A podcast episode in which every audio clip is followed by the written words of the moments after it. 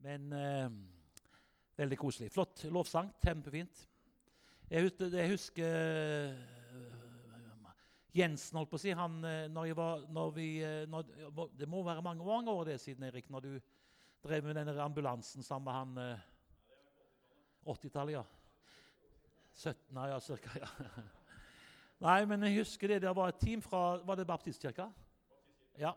Som hadde fått en gammel ambulanse. Så de kjørte og hadde evangeliseringstime.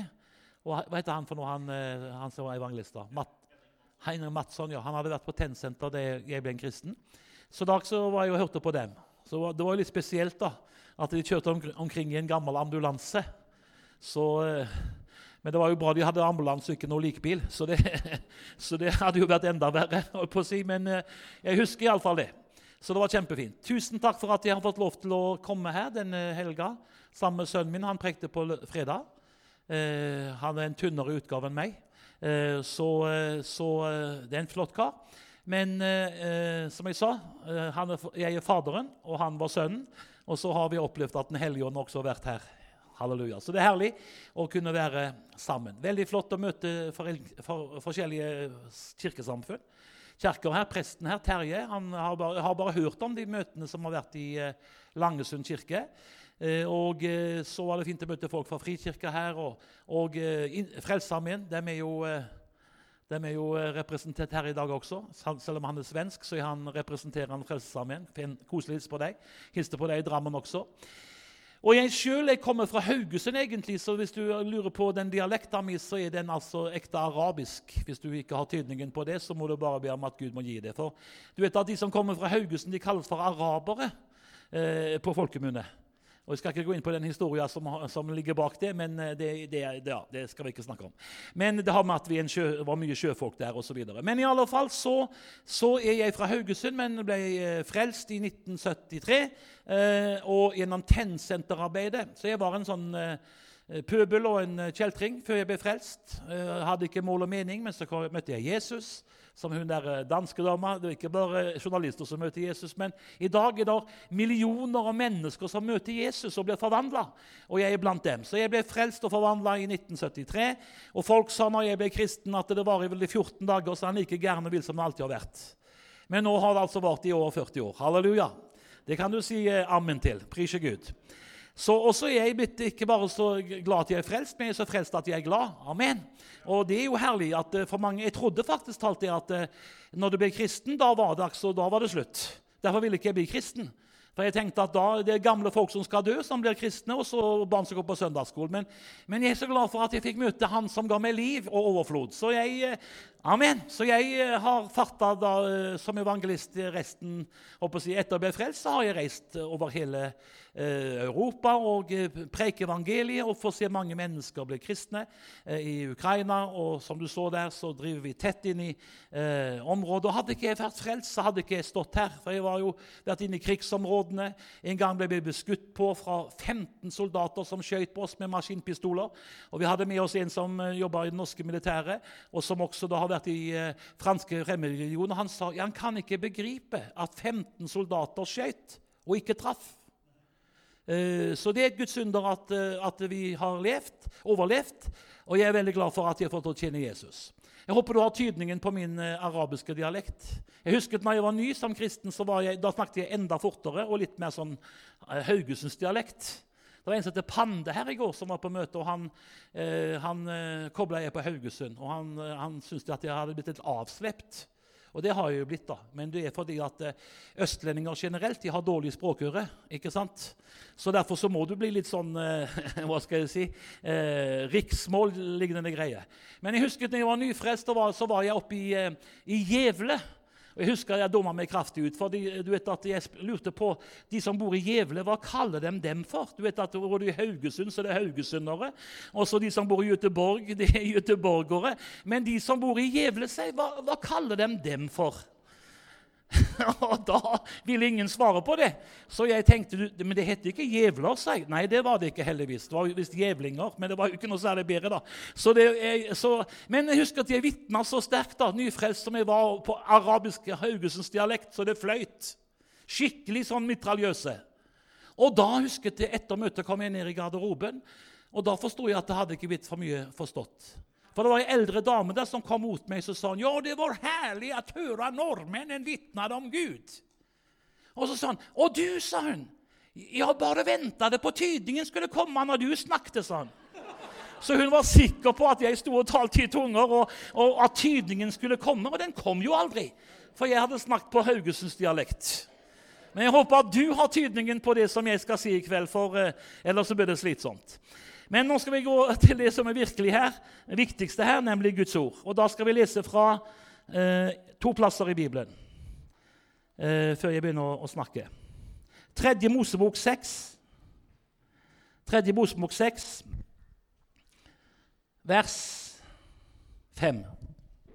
Eller kan vi, vi kan godt lese bare for Ja, vi kan lese vers 5 og 6 sammen i Jesu navn.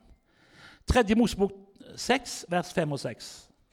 Og der står det slik Ilden på alteret skal holdes brennende. Den må ikke slukne. Presten skal brenne ved på den hver morgen og legge brennofferet til rette på det. Og han skal la fettet av fredofferet gå opp i røk på det. En ild skal alltid brenne på alteret. Jeg vet ikke hva det står her, men det står i den gamle oversettelsen. En ild skal alltid være brennende på alteret den må ikke slukne. Og Så skal vi lese fra Rombrevet 12, vers 11. Eh, Rombrevet 12, vers 11, Så du ser at det er ikke bare den gamle pakt Gud formante at det skulle være ild. Men han, det står i Rombrevet 12, vers 11, og jeg leser der også. Vær ikke trege i deres iver. Vær brennende i ånden, og tjen Herren. Vær ikke lunken i deres iver, står det her. ja. Det var den gamle oversettelsen. Vær brennende i ånden, tjen Herren. Skal vi be sammen. Far, vi ber i Jesu navn om det som du har nedlagt i mitt hjerte i kveld, må bli til velsignelse for mennesker.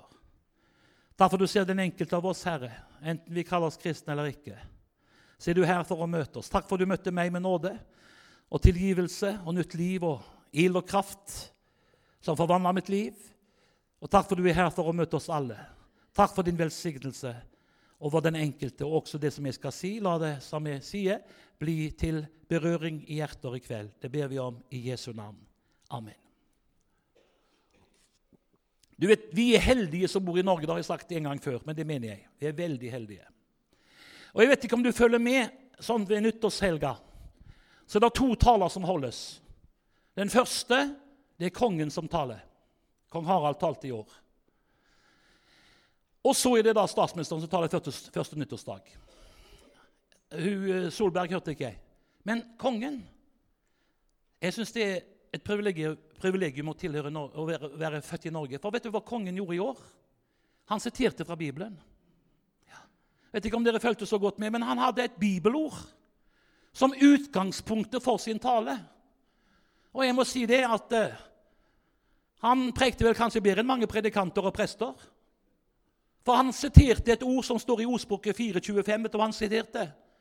Bevar ditt hjerte fremfor alt du bevarer, for livet utgår fra det.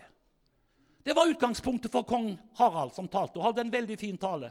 Hvordan vi må ta vare på hverandre og være sjenerøse mot hverandre. Og ikke å si, drepe hverandre med ord og negative holdninger, men være sjenerøs og, og, og, og, snill mot innvandrere og hele pakka. Så det var veldig bra. Bevar ditt hjerte fremfor det du bevarer. For det var som lå høyst på kong Harald sitt hjerte når han skulle tale til det norske folk og til nasjonen. Så ville han så gjerne at folk skulle forstå at det viktigste som vi tar vare på i livet, det er hjertet vårt. Bevar ditt hjerte fremfor det du bevarer. Og så har jeg også spurt Gud i kveld, da, hva vil du ha sagt?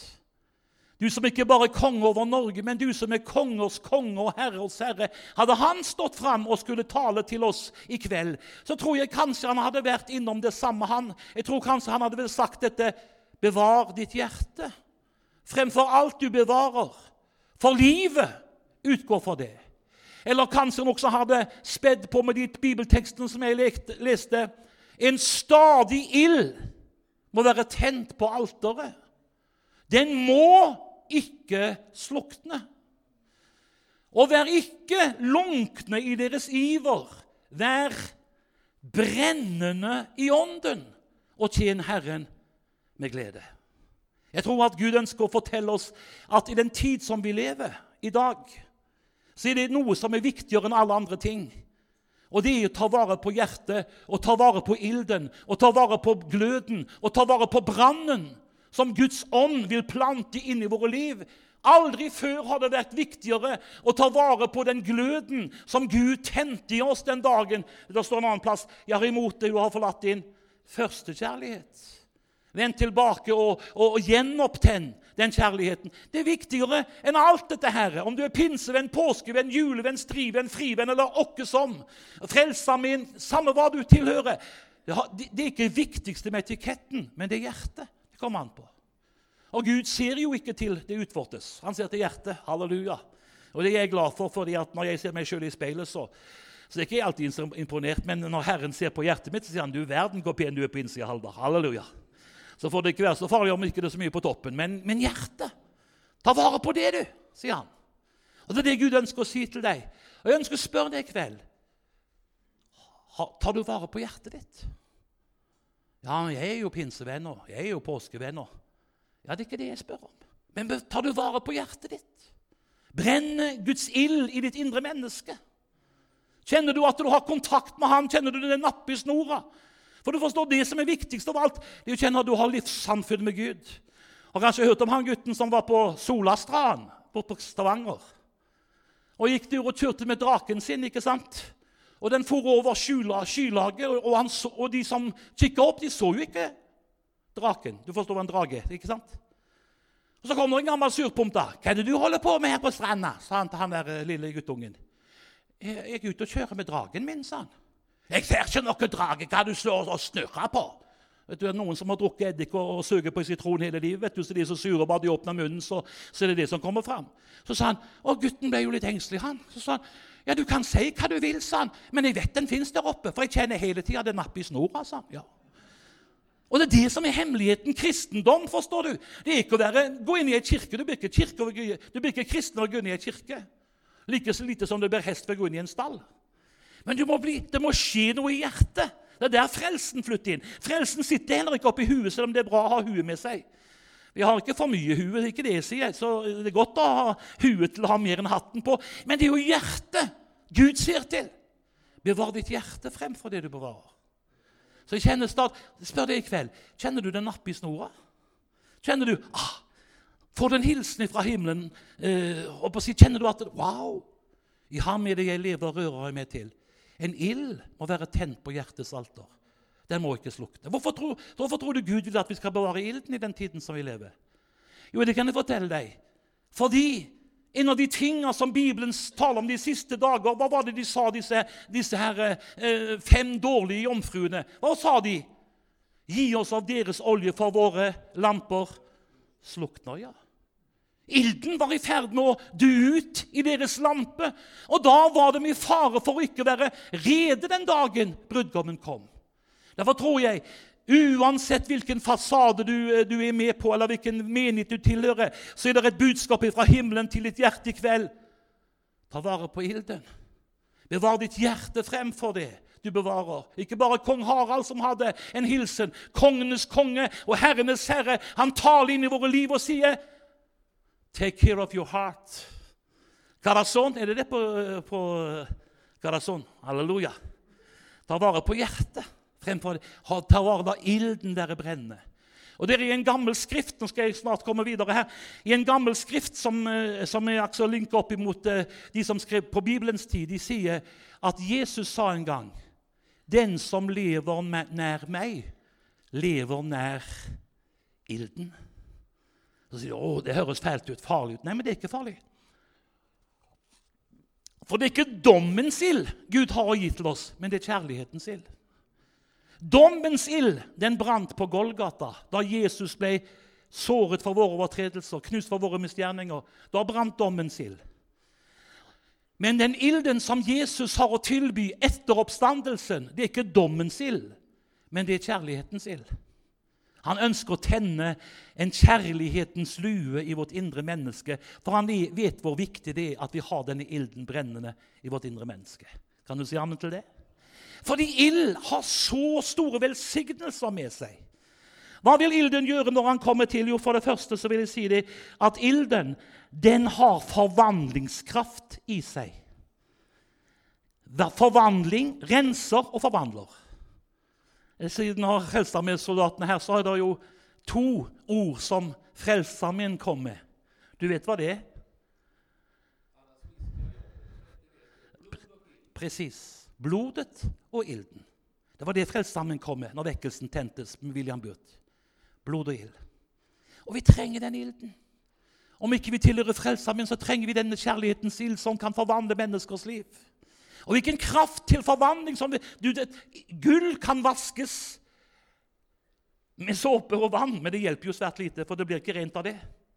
Men hvordan renses gullet? Jo, det renses ved at det puttes inn i ilden. For ilden brenner opp slagget, og så kommer det rene, sanne gullet fram når ilden har berørt det. Halleluja. Og Det var det som jeg møtte den dagen jeg kom til Jesus. Og det var jo dette her at Jeg, jeg kom jo med min synd og med min skam, som, som eh, vi sier i, på bedehuset. Og jeg opplevde at da Gud møtte meg der i, på Haraldsloftet i Haugesund klokka halv tolv den natta, så kjente jeg at hele himmelen var åpen over meg, og jeg ble fylt med en kraft som forvandlet meg fra innsida ut. Jeg opplevde at ilden fra himmelen falt over meg. Og jeg visste det at når jeg sto opp fra den stolen etter at uh, to fra bedehuset, og, eller to fra kirka og en fra pinsemyndigheten hadde bedt for meg, så visste jeg Never the same again. Oh, I know I won't be the same again. From the moment I met Jesus, new life for me began, and I won't be the same. Jeg visste jeg kommer aldri til å bli den samme. For Guds ild, kjærlighetsild, flomma inn i mitt indre menneske, forvandlet meg og gjorde meg om fra å være helvar Nei, halvar, mener jeg, til å bli helvar. Du vet at Jeg heter Halvard Hasløy, men jeg, egentlig så heter jeg Helvar. Halleluja, For jeg er ikke halv mer. Før var jeg halv, men nå er jeg blitt hel. Prise Gud. Du vet at når Jesus møtte Simon Peter ved Genesaretsjøen, hva sa han til han? Du er Simon, men du skal bli Kefas. Simon, vet du hva det betyr? Jo, det betyr en som er som et siv som vaier i vinden. Og det var jo det han var. En dag så sa han du skal, om alle andre forlater deg, jeg skal stå med deg. Neste dag så banna han på å ikke kjenne Jesus. Det var å si, hans karakter. Men etter han hadde fått møtt Den hellige ånds kraft og ild på pinsefestens dag, da var det ikke Simon mer, men da var det Peter. Han som fulgte Jesus i nøden, og når han, ble, når han døde, så ble han korsfosta opp ned i Rom fordi han hadde fått møtt denne forvandlingskraften i ilden. Hør, min venn, Gud han ønsker å møte deg. Jeg har bodd hjemme hos eh, eh, nå må jeg si riktig, Fernando og Adrine. er det det heter? Ja, Adrina. Og hørt deres vitnesbyrd. Wow! Disse herre to som håper å si, var topp fotballspillere men hadde problemer de fortalte, du kan, det er ikke farlig å si, hadde problemer i ekteskapet. Prøvde å løse det på all slags måter. Gikk til, til og med til okkulte krefter og betalte sånne der, eh, heksedoktorer. Can you help us? Kan du hjelpe oss? Men ingen kunne gjøre noe. Men et vitnesbyrd for en annen fotballspiller sa at Jesus kan. Og så kom de til en pastor der var det i, i Portugal ja, og sa 'Vi vil bli frelst'. Og Pastoren var borte malerkosten og ba til Gud med dem til frelse. Og fra den dag av så har Fernando og Erdrine aldri vært de samme mer. Halleluja. Glorificado el nombre de Cristo. Det var ikke tungetall, det var spansk. Halleluja. Så det er vidunderlig å tenke på den kraften som fins i evangeliet til å forvandle mennesker. Og må, Vi må være frimodige i den tiden vi lever. Vi kan ikke bare gå omkring og sitte på bedehuset. Vi må ut på gater og streder og fortelle til folk av det som ikke spådomsmenn og, og holdt på å si yogalærere yoga og, og all slags uh, heksekunst kan få til. Det kan Jesus gjøre i et nu. Halleluja. Alt det du gjør som du ikke må, forsvinner når han setter kraften på. Halleluja. Åge Samuelsen, forresten. Prisje Gud. Hvilken kraft som fins i evangeliet til å forvandle ditt liv. Derfor sier Herren til deg, om du vil komme nær til meg i kveld Jeg ser du strever Jeg ser du har utfordringer. Jeg ser du har til og med i ekteskapet ting som sliter. Men om du vil komme nær til meg, så du får smake den kraften som fins i evangeliet. Helligåndens ild og kraft kan forvandle deg, så du blir aldri det samme mer. Fordi han kan smelte bort slagget og la, ild, la, la gullet stå tilbake rent og klart. Halleluja. Derfor trenger vi ilden. Hvorfor trenger vi ilden? Jo, for du forstår at uh, ilden den varmer og gløder og lyser opp. Vet du hva for noe? Sløv kristendom attrakerer ingen. Hørte du hva jeg sa til deg? Jeg ser at dere er helt sjokka her nå, men det kommer etter hvert. Men det, jeg taler noe som Den hellige har bedt meg å tale om. Sløv kristendom det er ingen attraksjon. Jeg husker når jeg var, ny, når, når ung, så var vi nede i ei grue på der øya som jeg bodde. Og Der hadde vi en smed. Jeg har jo ikke det nå til dags, men vi hadde smeder. Og Jeg husker jeg var fjetra av å stå og se på hans smeden. For vet du hva han gjorde? Han tok disse her kalde, mørke jernstengene og så putta han inn i ilden. Og så Etter en stund da, så løfta han opp den der kalde, mørke eh, stanga. Og nå var det en glød der, så jeg bare sto og var helt fjetra over. Det var en ild som brant, og som hadde forvandla det kalde og det mørke til å bli hva skal jeg si, attraktivt. Halleluja. Og Det er det Gud ønsker å berøre oss med, sin ild og sin kraft, på en slik måte at vi blir attraktive kristne. Du forstår at Det som jeg møtte den dagen jeg ble kristen, det var jo en del sånn felleskristent opplegg på, på, i Haugesund. Tennsenter. Indremisjon, Indre kirkefolk og eh, pinsevenner i en skjønn forening. Blant annet tre gamle damer. Helt sant. De var blitt gateevangelister. Hun ene heter Ella Linde, hun heter eh, fru Lindeland, og så var det ei som heter fru Antonsen. Skal aldri glemme det. Den var jo ikke helt sånn så topp moderne evangelister eh, som var freshe opp og så ut som gatas gutter. Nei da. Det var, hun var sånn ekte pinsevenn med, med skaut og, og krimpelinkjole som lå folda nedover de forskjellige foldene. holdt på å si. Så, så var, hun var jo et, et prakteksemplar på en pinsevenn. Og de sa til meg De hadde brann i øynene, så de så dem på meg. Så sa de vi be, kan vi få be for deg hver eneste dag, Halvard? Ja, be så du er blå i trynet. Du hjelper ikke allikevel, si. Men det jeg ikke visste, det var jo at disse folka de hadde kontakt med Gud. Og jeg så jo den ilden som var i øynene på dem. Og den kvelden jeg ble en kristen, så var det to av dem som var til stede. Og de, de var jo tent i brann, altså. I sannhet. Begge, begge gikk i, i Skåre kirke. Men de lengta som et Det var sosietetsdamer, fine damer med flotte hus. Hun heter fru Lindland, hadde det fineste huset i byen. Og jeg visste om det, for jeg hadde vært i det huset uten at hun visste det. Så du kan si at jeg, jeg hadde vært og sett på det huset. Der var det jo, Hun var så eksklusiv. Men du forstår, hun sa 'Jeg lengtet etter noe mer'. Og Så gikk hun i Skåre kirke, da, hos presten der, og, og, og de lå der og 'Jesus, møt meg', sa de. Og Mens de lå ved alterringen og skulle ta imot nadværen, så døpte Gud dem i begge i Den hellige ånd. Så de, når presten kom og skulle gi dem nadværen, så var de døpt i ånden. vet du. Og De lå der og talte i nye tunger. Og Presten ble helt forfjamsa, for han hadde ikke hørt noe sånt før. Og Så han bøyde seg ned til henne og sa til henne, 'Jeg tror du passer best i pinsemenigheten'. Men det betyr, for du forstår, men heldigvis har det blitt forandring. Nå er det ikke snakk om at det er lutheran eller pinsevenner bare. Alle Guds folk trenger å være fullt av Den hellige ånd. Kan du si ammen til det? Om du er frelsa med eller kirkemann eller, eller frikirke eller Uansett så trenger vi Den hellige ånds fylde. Vi trenger ilden, for den attrakerer. Den gjør at folk jeg skal si deg en ting, Vi har jo to sønner som jobber i intro, eller Hilsong. Og det som gjør at skarer av unge mennesker blir frelst i Oslo, vet du hva det er for noe? Det er jo ikke fordi at de synger bare fine sanger, men når de kommer inn der, så ser de 700 unge mennesker som står med oppløftede hender, med glød i øynene og tilber Jesus. Og folk som kommer utenfra, som aldri har vært på et kristent møte, de lurer på hva er dette for noe? De ser ilden, de ser gløden, de ser brannen, og de blir forvandla. fordi der hvor det fins brann, der kommer det folk. Har kanskje hørt om han presten som eh, opplevde at kirka si brant? Og hele bygda kom jo for å si at kirka brant. Til og med brannmesteren kom. Og presten han tenkte jeg får jo si noen vakre ord om Jesus til han, så han sa, Først så sa han til han, ja, sa han, det er første gang jeg ser deg her i kirken. sa han, Jeg har aldri sett deg her før. Og Da svarte brannmannen nei, sa han, det stemmer, det, sa han. Men hadde det brent her før, så hadde jeg vært her før. Ja. Og det syns jeg var godt sagt. For der hvor Guds ild brenner, der kommer, når vekkelse kommer, forstår du så kan vi arrangere det bare med fine taler og fin musikk.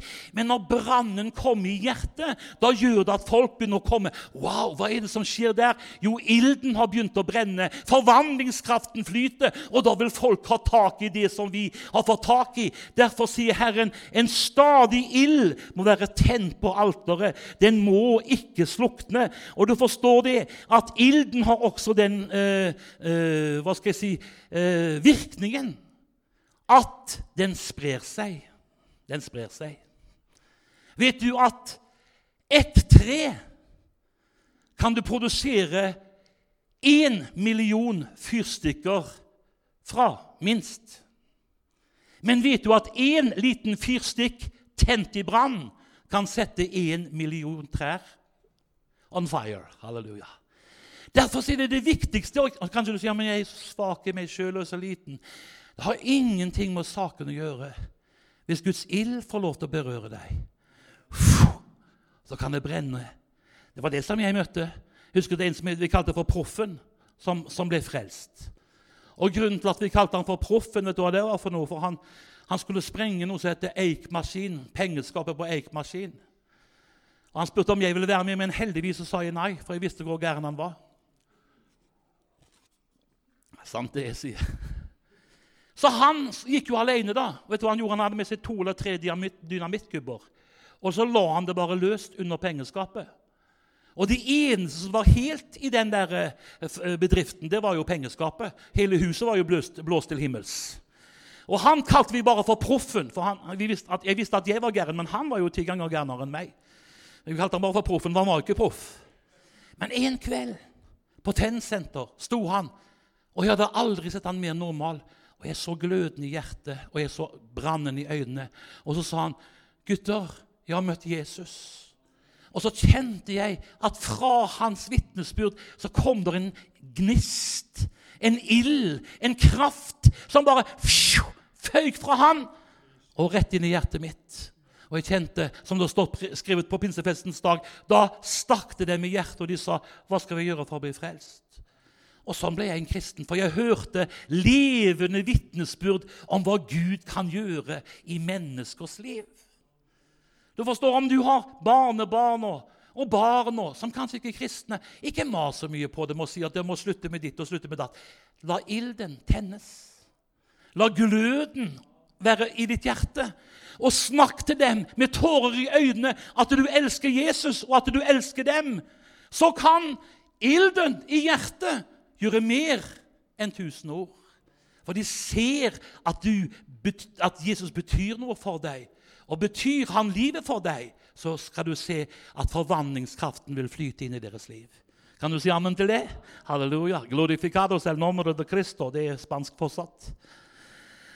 Jeg må hjelpe de, der er flere spanjoler her, så det er mange fra Colombia og eh, Venezuela og, og, og flere plasser. Så vi må ha noe, Det er herlig med at vi er blitt internasjonale.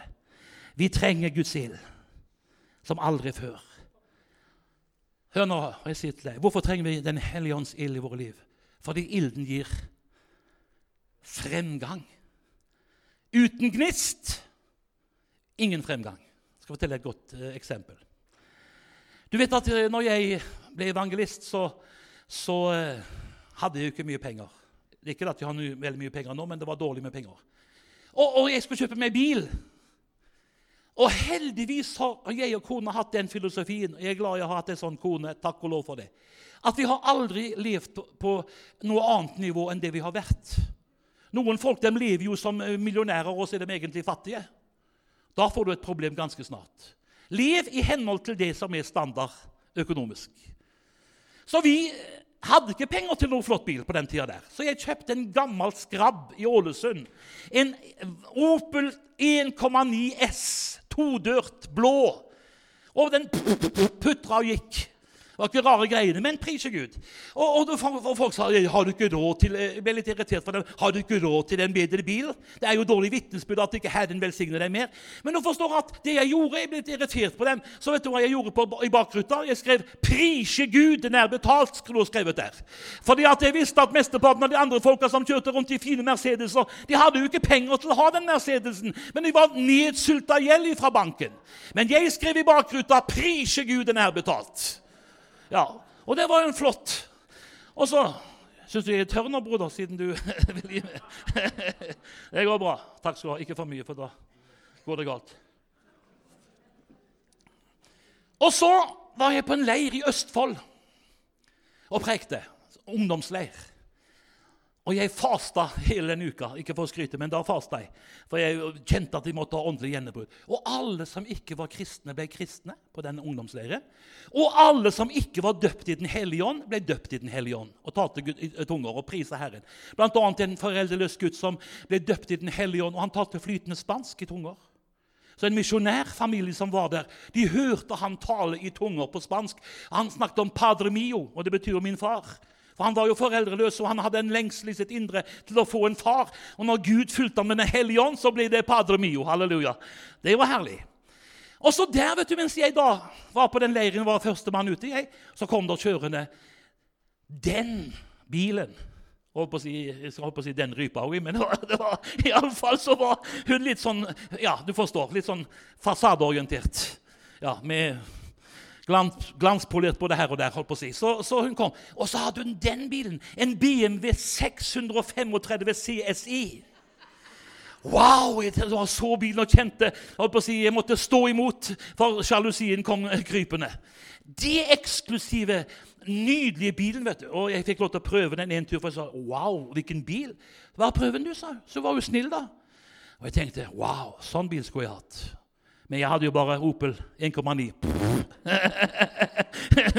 så det var ikke rar greiene. Skal du høre? Og så skjedde jo det da at uh, hele den uka så gikk jeg og kikka på den bilen. Og vet du hva jeg gjorde også? Jeg var borte og satte foten på støtfangeren. Ja, Hvorfor du gjorde du det? Jo, for det står skrevet 'Hver sted du setter din fot, skal jeg gi deg', sier Herren. så jeg kjente at kanskje det blir uh, min bil neste bil. Så jeg var der og satte foten. Og, og så han spurte den da 'Hvorfor går du og tar på bilen min og setter foten på bilen min?' 'Ja, det kan jeg ikke fortelle til deg', sier for da ville du ikke like det.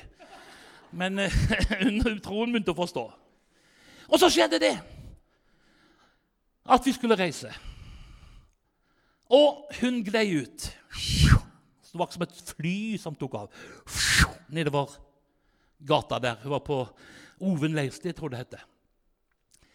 Og så sto hun nede i gata. Så kom jeg. Og lett nede i gata, kanskje en kilometer, der sto hun dønn. Eksklusiv bil, vet du. Men hadde stoppa. Og så spurte jeg henne, stoppa jo som den gentlemanen jeg er, og så sa jeg, 'Har du problemer med bilen?' 'Ja', sa hun. Den, den døde helt ut'. Wow, sier det er jo trist. Skal jeg hjelpe deg? Ja, sa du gjerne det. Så åpna hun panseret, men bare jeg så oppi det panseret, forsto jeg her må du ikke røre noen ting. For det var jo som en computer. Så sier jeg vi må ringe til Viking. Og så kom Viking. Ikke sant? Og det første han sa, det var dette. Her fins det ikke håp for denne bilen, for Gnisten er borte. Tenninga er vekke. Det fins ikke ild her, sa han. Og det hjelper ikke å ha fin fasade da, sa han. For når ikke det fins drivkraft inne i, i, maskinen, så går han ikke en meter. Så sto jeg og så på henne og sa mangler du ild, sier Ja, han sier det. Så tenkte jeg vel har jeg en gammel skrebb men glorificado, halleluja. Jeg har noe som ikke hun hadde. Så da satte jeg meg inn i den gamle lørja av en bil, starta opp, laget inn førstegiren, trødde bånn gass og spant nedover gata. Så das vidanje, halleluja. For jeg hadde noe som ikke hun hadde. Jeg hadde ild i, i maskinen. Og nå skal jeg si det til deg. Du forstår bildet. Det hjelper ikke å være fin mann og fin dame og, og ha fin fasade og være påskevenn, julevenn eller hva enn måtte være. Men si, kjære venn, har du ild i ditt indre menneske? Har du fyr? Har du fyr på ditt, på, i ditt hjertes alter? Eller er det sånn med deg at du står der som en fin bekjennelse, men det er lite drivkraft i ditt indre? Da vil Herren si til deg, En stadig ild må være tent på alteret. Den må ikke slukne. Ta vare på Guds ild. Ta vare på det indre livet. Bevar ditt hjerte fremfor det du bevarer, for livet utgår fra det. Det er så viktig i den tiden som vi lever, at vi har denne indre drivkraften i Den hellige ånd boende i vårt indre menneske. En stadig ild må være tent på alteret. Vær ikke lunkne i deres iver. Vær brennende i ånden. Tjen Herren Jesus med glede. Halleluja. Bevar ditt hjerte, sa kong Harald. Og Herren sier det samme til oss i kveld som kristenfolk. Bevar ditt hjerte fremfor det du bevarer, for livet utgår fra det. Hvorfor trenger vi ilden? Skal jeg snart være ferdig nå?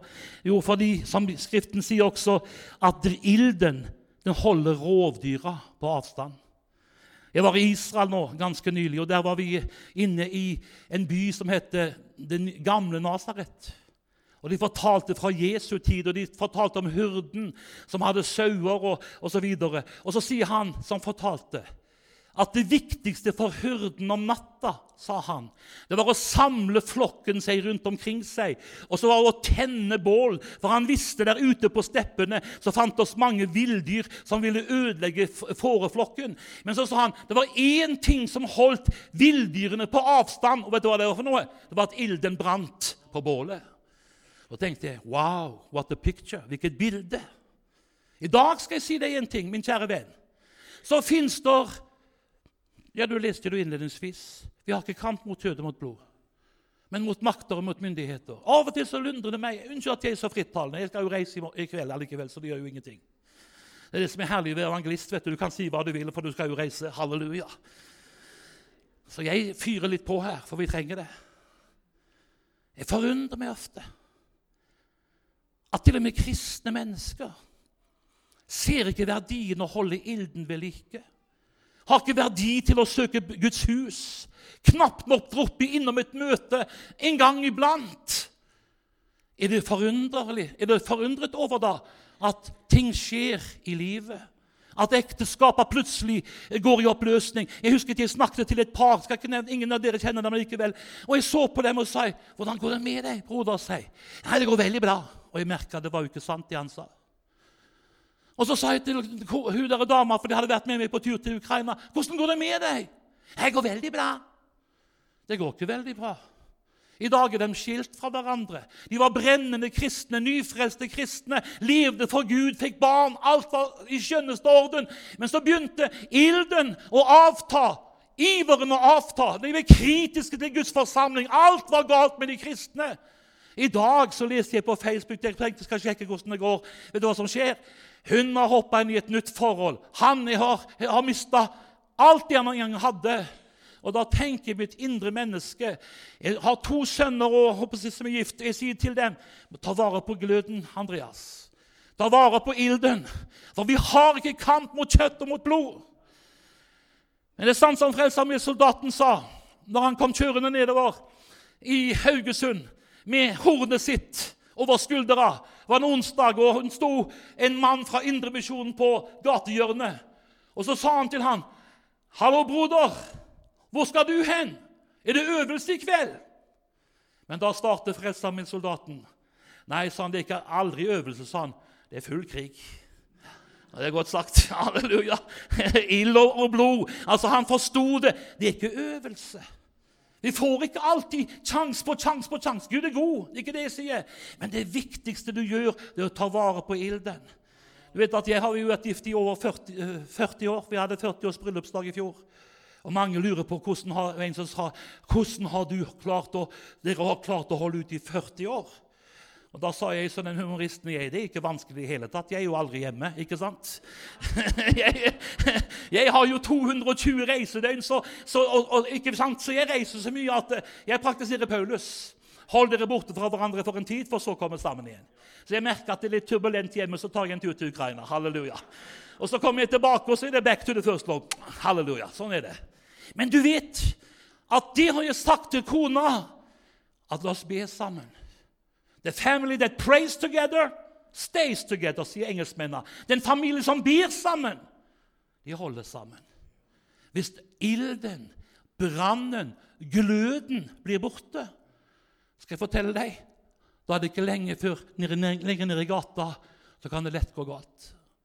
Bevar ditt hjerte fremfor det du bevarer. Jeg har bodd som sagt hos Fernando nå, og, og kona hans hele uka. Og jeg syns det var en flott ting i det hjemmet. Vi satt jo og spiste nydelig mat der. og Jeg kan ikke begripe at du er så tynn som får så nydelig mat. Det syns jeg er et Guds under, at du klarer å holde deg så tynn.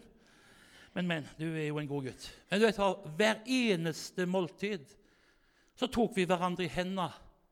Og Fernando ba for oss, og vi ba for han. Og de ba sammen. Og jeg så Det det var jo ikke bare en sånn religiøs bønn, men de ba inderlig av hjertet. Ber du sammen med kona di? Ja, Det er vanskelig for meg, og jeg skal ikke fordømme deg for det. Men jeg bare spør ta var du vare på ilden i den tiden vi lever. Eller er du blitt såpass sløvet av tidsånden at altså alt bare flyter med, og så blir du sjokkert når det går galt? Da er det på tide at vi våkner og forstår. Bevar ditt hjerte fremfor det du bevarer. Jeg sier ikke her for at jeg er så fullkommen, langt ifra. Men jeg snakker om som en svak eller som et enkelt menneske som trenger Guds nåde og kraft. Jeg vet at uten Guds salvelse og kraft og velsignelse så kommer aldri jeg til å bestå prøven. For det er en såpass kraftig åndskamp i denne tiden at aldri før har det vært viktigere å holde oss nær til Gud og nær til hverandre. Halleluja. Amen. Jeg vet jeg utfordrer deg, men det trengs i dag som aldri før å få en liten utfordring fra himmelen. Fordi Gud vil ikke noe vondt. Han vil si bare til deg, min sønn, min datter, gi meg ditt hjerte. La meg få lov til å berøre ditt indre menneske. La meg få lov til å tenne, gjenopptenne den Guds nådegave som fins i deg, med håndspåleggelse. Du forstår, Gud han ønsker at vi skal leve så tett på Han at Guds kraft og Guds ild og Guds Kjærlighet er fortsatt brennende i vårt indre menneske. Halleluja. Den må ikke slukne. En stadig ild må være tent på alteret. Husker de gamle dager så sang vi denne. Si, kjære venn, hvordan er det med livet? Over ditt liv kanskje solen gått ned. Ikke sant? Jeg tror at i dag så trenger vi som aldri før komme Det er ikke snakk om å komme langs, lengst bort, men tettes innpå. Tettes innpå Jesus. Sant det? Og han er god. Halleluja. Han er vidunderlig god. Og Jeg kjenner han står her med en åpen favn i kveld, han sier, 'Kom nære meg, du menneskebarn. Kom nære meg.' Jeg bar en gang et kors for deg, så inderlig jeg elsker deg. Så du, min venn og min bror, og søster, kom nær av meg. Kom nær til Jesus. Gjenopptenn den Guds nådegave som fins i deg. Hvor viktig det er at vi har Guds ild i vårt indre menneske. Kong Harald sa, 'Bevar ditt hjerte'. Jeg sier det som han sa det, og som Jesus sier det. Bevar ditt hjerte fremfor det du bevarer. Livet utgår fra det. Ja, men sier du, jeg er ikke sånn som deg, sånn frimodig og, og det. Men det er ikke det jeg snakker om. Det har ikke med det å gjøre. Men det han kjenner wow, det er napp i snora. Du kjenner du har livskontakten. Kjenner det, det, det, du kjenner bare at wow, Gud taler til deg.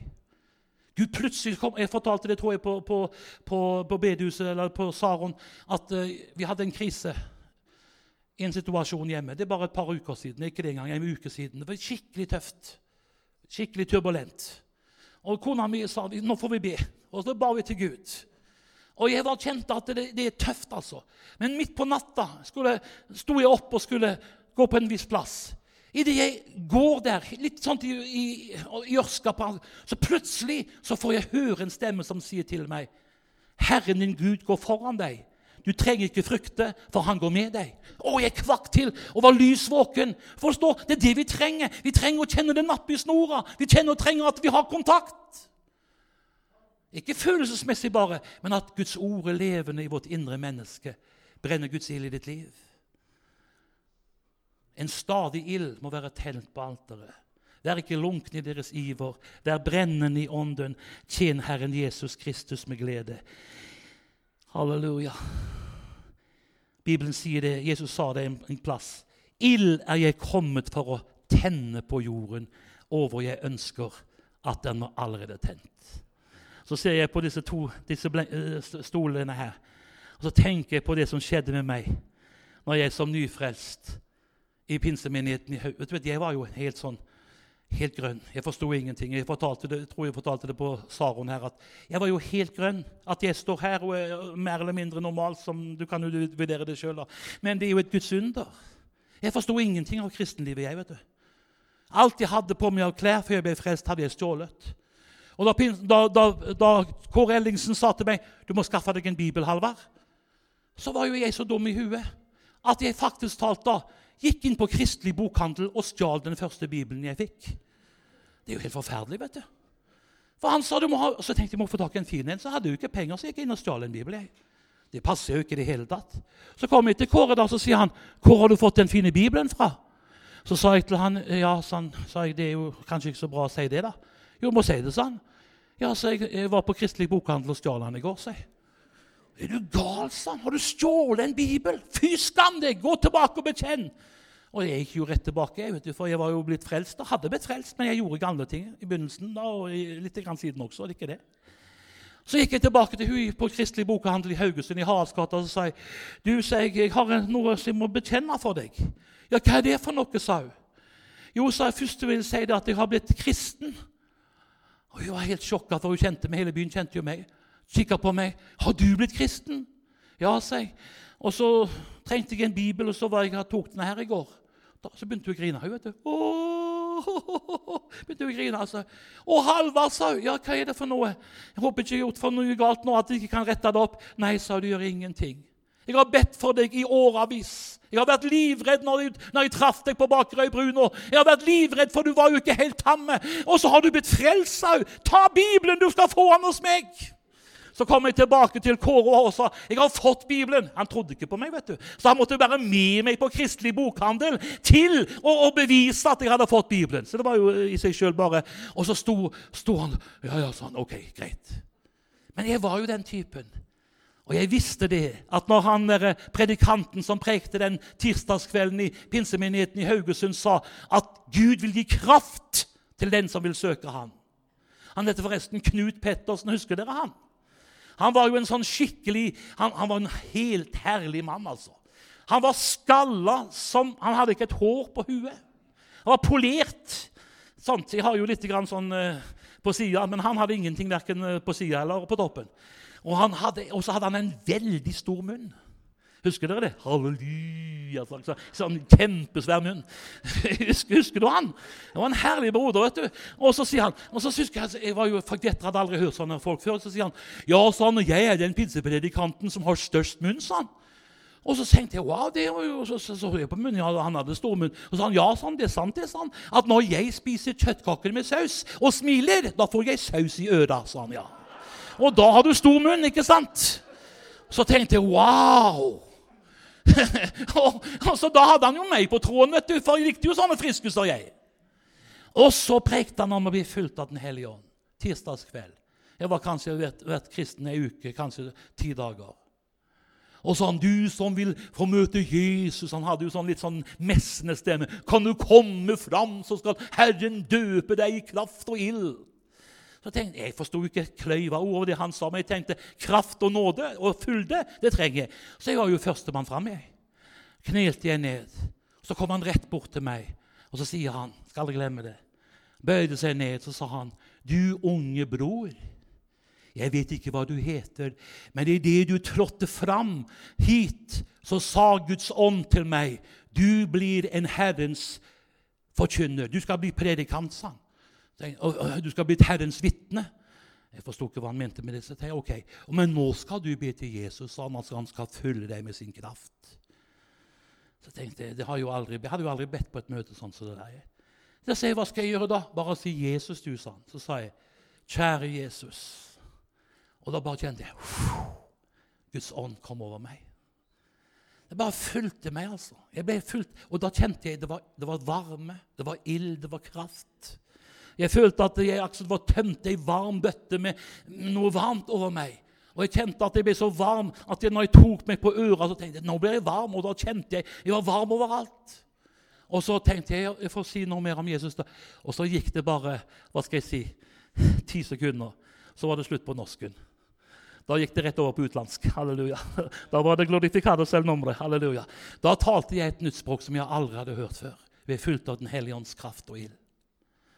Og jeg tenkte at det her må, og jeg gikk ut og jeg klar, prøvde å åpne munnen, men det kom bare på utlandsk. Så jeg for hjem og tenkte her må du bare komme deg vekk, for folk tror du sikkert du er. Men jeg gikk hjem og, og bare skjulte meg nede i gatene, sprang over brua der hvor jeg bodde, og sprang inn i huset der vi bodde, og opp der på rommet som jeg lå. Og så slapp jeg det løs. Pris deg, Herren. Talte et nytt språk. Kjente Guds ånd fulgte meg.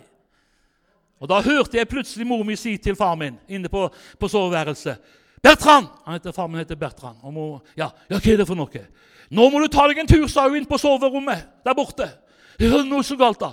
Ja, altså, ikke vet jeg, sa hun, men det er, er fremmedfolk i huset her, sa hun. Ja, hva mener du?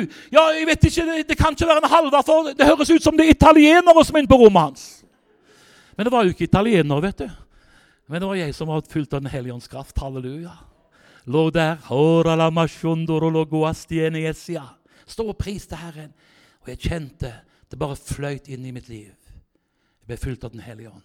Det er ikke alltid jeg føler så mye, men du verden hvor takknemlig jeg er at Gud kom med sin ild og berørte meg, kom med sin kraft og fulgte meg, kom med sin herlighet og inntok meg. Jeg kjenner, jeg hadde ikke vært den jeg er i dag uten at jeg fikk en berøring og stadig kjenner jeg en sånn der lengsel i mitt indre menneske. Følg meg på ny, Jesus. Vet ikke om du har det der på den måten der, men, men noe av det burde du ha. Ikke, ikke prøv å sammenligne med meg, for jeg er meg. Jeg er Guds original, holdt på å si. Og Hvis du vil være en kopi, så må du gjerne være det, men, jeg, men Gud har skapt deg som det du er, og han ønsker å følge deg. Ta vare på ditt hjerte fremfor det du bevarer. Livet utgår fra det. Brenner Guds ild i ditt indre menneske? Er det lenge siden du har åpna deg for Jesus og tatt en stille stund med ham og søkt inn for hans åsyn og overgitt det til Jesus? Skal vi bøye våre hoder og være innenfor Herrens åsyn? Halleluja. Da la det synke inn i ditt indre menneske, det som er enkelt å vitne om i kveld. Ild har jeg kommet for å tenne på jorden, og hvor jeg ønsket den allerede var tent. Vær ikke, vær ikke lunken i deres iver, vær brennende i ånden. En stadig ild må være tent på alteret. Det må ikke slukne. Bevar ditt hjerte fremfor det du bevarer. Livet utgår fra det. Halleluja. Halleluja. Skal vi bare bøye våre hoder innenfor Guds åsyn? Halleluja. Lovsangstimen kan gjerne komme og hjelpe meg. Jesus.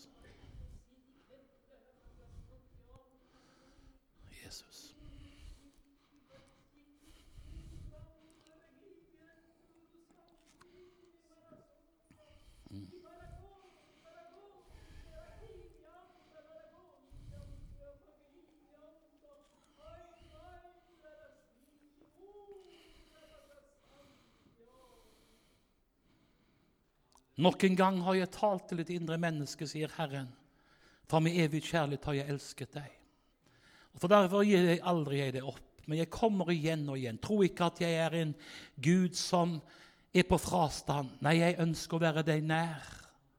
Og jeg ønsker å kunne berøre ditt indre menneske. Nok en gang så taler jeg inn i ditt indre menneske. For jeg vil så gjerne ha kontakt med det som skulle være det viktigste i din tilværelse. Jeg vil gjerne ha hjerteplassen, gjerne ha hovedplassen i ditt indre menneske. Der jeg fikk lov til å være den som velsignet deg og velsignet din tilværelse. Og i kveld så taler jeg inn i ditt indre menneske, for jeg vil så gjerne kalle deg ut ifra det som har blitt hengende fast ved deg, ut ifra det som gjerne vil hindre deg i, i, vandringen din. Jeg kaller deg i kveld, sier Herren, til å komme ut ifra stillstand og et skritt nærmere meg, der jeg kan få lov til å berøre deg med min kraft og min nåde. Du skal ikke tro at det er en, en hånd som vil straffe. Nei, min hånd den er naglemerket, og den bærer i seg tilbudet om at jeg vil legge den på ditt liv, forvandle deg, omskape deg, fylle deg med min kjærlighetsglød og ild vil, så du kan frimodig vitne om min nådes kraft i din tilværelse. Jeg er ikke langt borte fra noen av dere, sier Herren. Nei, jeg er nær hos alle som kaller på meg i sannhet. Og jeg ser ikke som mennesker ser. Jeg ser ikke til det utvortes og til din fasade, men jeg ser ditt hjertes lengsel. Jeg vet om det som du bærer, av de bønner du ber når ingen andre ser deg. De bønnene har jeg hørt, sier Herren, og jeg er her for å svare på din bønn, for å fylle deg med min nåde, og for å gi deg en fylde av min kjærlighet, så du kan leve i denne kjærlighetens glød og varme, og fullføre løpet og bevare troen og nå det kall for dette livet jeg har kalt deg til å være i, sier Herren. Så hør min røst. Når jeg kaller deg ute, og jeg kaller på deg, mitt barn, min sønn, min datter, åpne ditt hjerte for meg, så vil jeg rikt fylle deg med min nåde og min kraft. Halleluja.